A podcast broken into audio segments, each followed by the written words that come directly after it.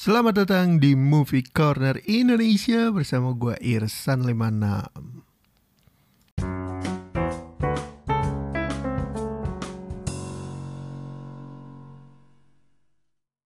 Ah, setelah satu bulan dari episode Fast and Furious 9 akhirnya gue baru sempat upload lagi dan kebetulan gue baru banget nonton Black Widow.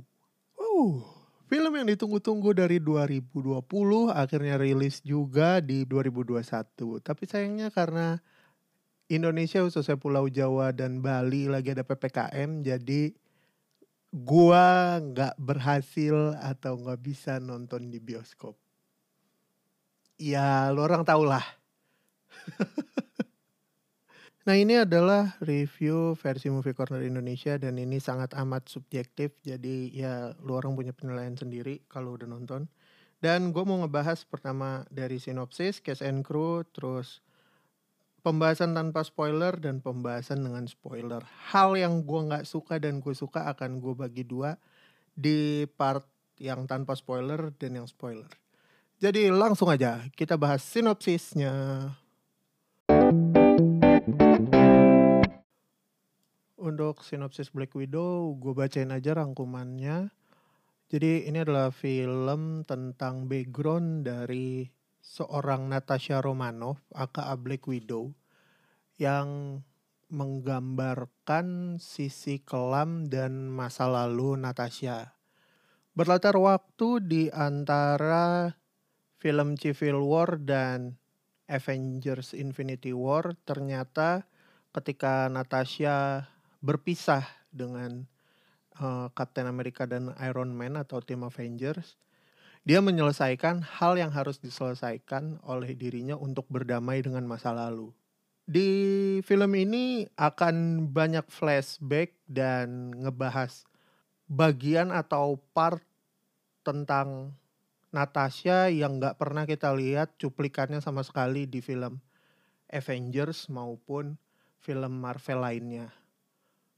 Nah tentunya lo orang udah pada penasaran kan kayak apa sih uh, sepak terjangnya Natasha ini dalam berdamai dengan masa lalunya. Nah kira-kira apa kejutan-kejutan yang ada di film ini? Langsung aja lo orang tonton di mana di tempat yang lo orang tahu.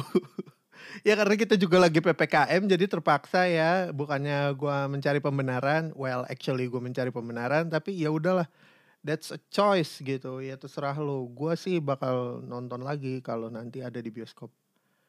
Kayak gitu. Uh, lanjut kita bahas uh, cast and crew.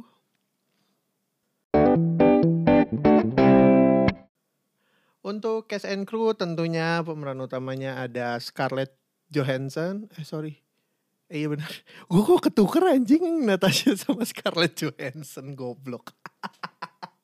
Anyway ya jadi pemeran utamanya ada Scarlett Johansson sebagai Natasha Romanoff terus ada Florence Pugh sebagai Yelena Belova. Uh, gue nggak mau nyebut dia jadi siapa pokoknya ini adalah karakter utama yang penting. Si Yelena Belova ini adalah karakter utama yang penting Terus Rachel Weisz sebagai Melina, terus ada David Harbour sebagai Alexei. Mungkin nama-nama ini agak kurang familiar ya kalau kita dengar-dengar. Terus ada Ray Winston sebagai Dreykov yang mana dia adalah musuh utamanya.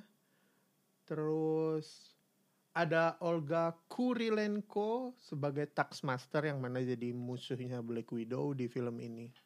Film ini disutradarai oleh Kate Shortland terus screenplay dari Eric Pearson ditulis uh, terus story by Jack Sheffer dan Ned Benson diproduseri oleh Victoria Alonso, Kevin Feige, terus ada Nigel Costello, ada Scarlett Johansson, terus ada Brad Winterbaum, ada Jamie Christopher, ada Luis Des Esposito.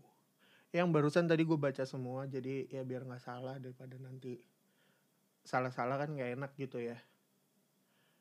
Terus abis case and crew langsung aja kita bahas review tanpa spoiler.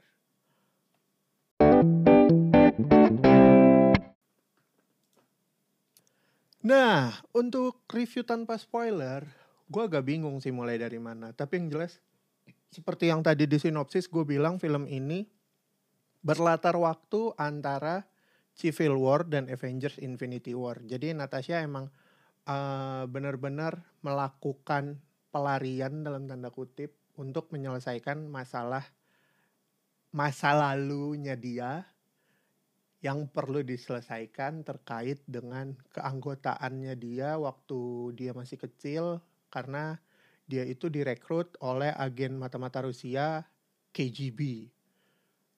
Terus uh, ternyata uh, di sini Natasha itu perlu berdamai bukan hanya pada dirinya sendiri tapi juga perlu berdamai dengan keluarganya dan perlu menghancurkan uh, organisasi hitam yang membuat uh, dirinya dalam tanda kutip.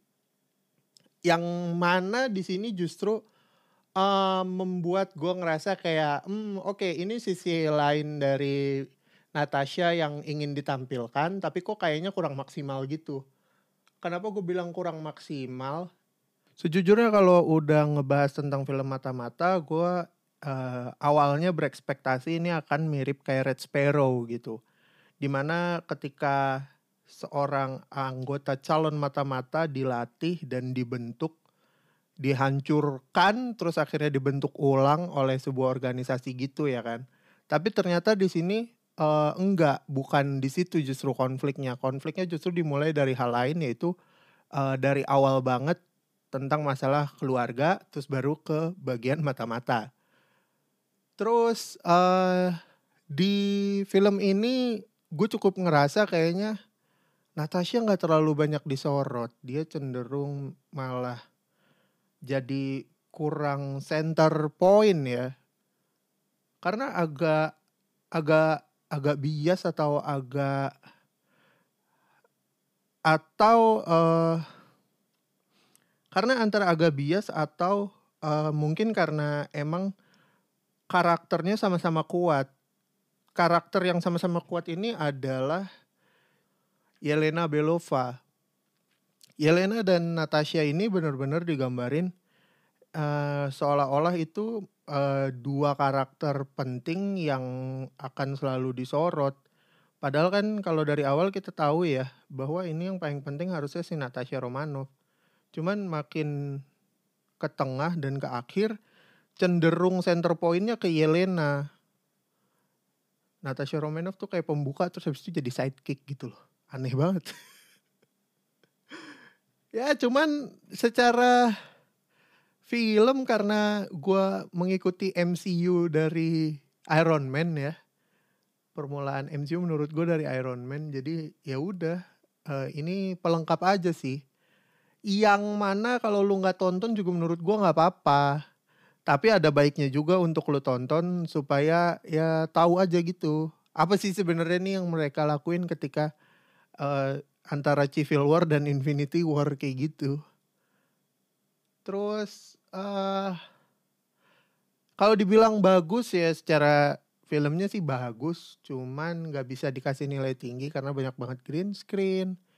Terus gue juga ngerasa ceritanya kayak kurang pas, kurang mateng karena banyak musuh yang nggak pernah tampil justru di film-film Marvel atau Avengers lainnya. Padahal kan biasanya ada sedikit-sedikit ini kan cuplikan-cuplikan nih calon-calon musuh nanti di masa depan atau ini nih calon-calon musuh di masa lalu ternyata udah ditampilin di beberapa film sebelumnya tapi enggak. Ini justru enggak. Aneh banget. Terus ada juga beberapa kemunculan superhero masa lampau yang kalau nanti lu tonton justru jadinya apa banget sih? Kayak gitu. Ya lu orang nonton dulu lah untuk tahu maksud gue yang barusan. Dan uh, selanjutnya gue mau review versi spoiler. Jadi buat lo orang yang belum nonton, stop sampai di sini aja. Gue gak mau maksa. Nah, buat lo orang yang udah nonton, langsung dengerin, gak usah di skip. Stay tune.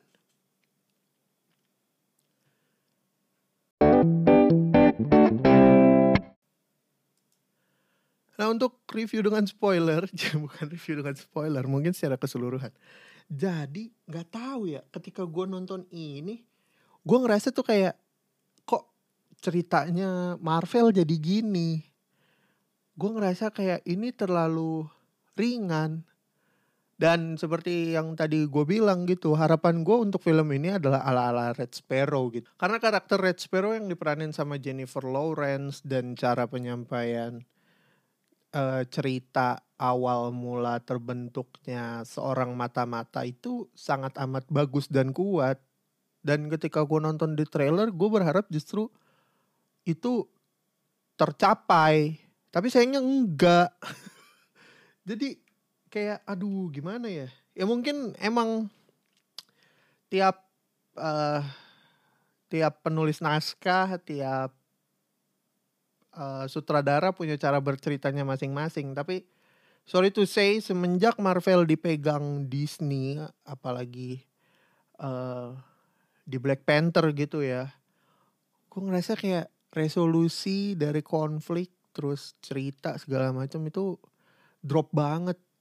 Kayak ah ini terlalu bocah terlalu anak TK kurang kurang gitu kurang kurang relate dengan para penonton yang remaja ke dewasa gitu sayang banget.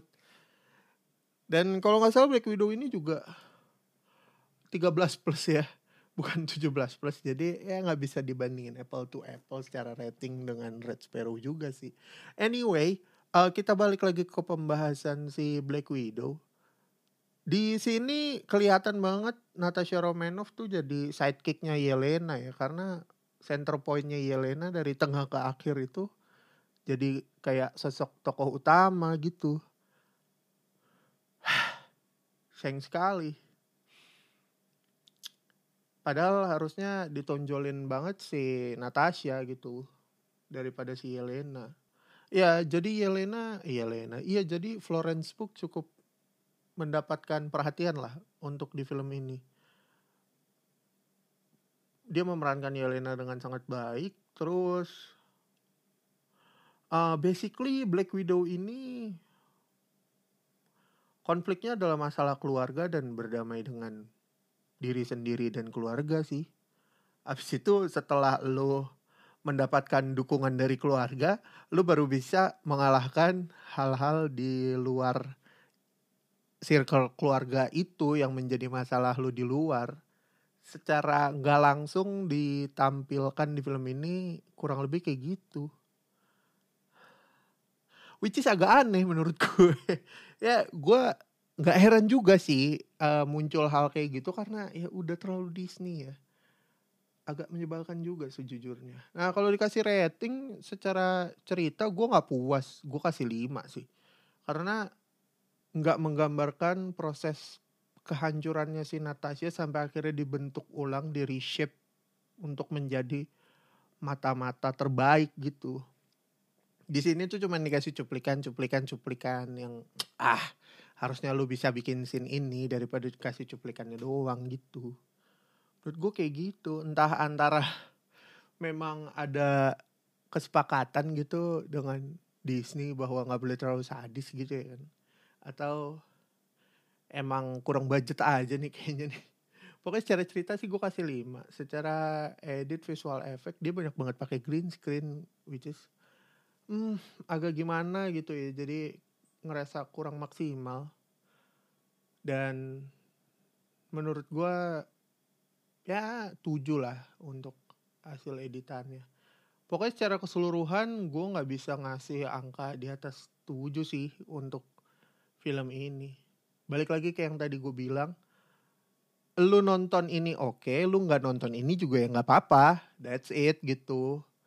Dan sejujurnya untuk lo yang udah ngikutin MCU pun gue yakin penasaran gitu kan dengan Black Widow tapi ketika lo rasa penasaran lu dijawab di film ini tuh kayak kayak lu terlalu berharap aja gitu di PHP-in aja udah sama Marvel sotoy banget gue anjing cuman penonton aja juga bisa buat film juga enggak gitu ya kan. Tapi ya udah anyway, uh, overall 7 per 10 lah buat film ini. Uh, mungkin itu aja untuk pembahasan Black Widow. Gue nggak tahu lagi apa yang mau dibahas. Ya mungkin terlalu dangkal apa gimana pembahasan gue kali ini karena ini gue bikin jam satu pagi nih mohon maaf gitu ya kan. Baru pulang kerja habis lembur langsung take podcast dan abis ini gue mau ngedit terus istirahat. Thank you buat yang udah dengerin sampai ketemu di episode selanjutnya. Yang mau ngasih saran-saran film bisa DM gue di Instagram di @irsan56 uh, ah, mungkin ke depannya gue bahas beberapa film hasil saran dari teman-teman di IG ya. Oke okay, thank you. Sampai ketemu lagi. Gue Irsan56 pamit. Ciao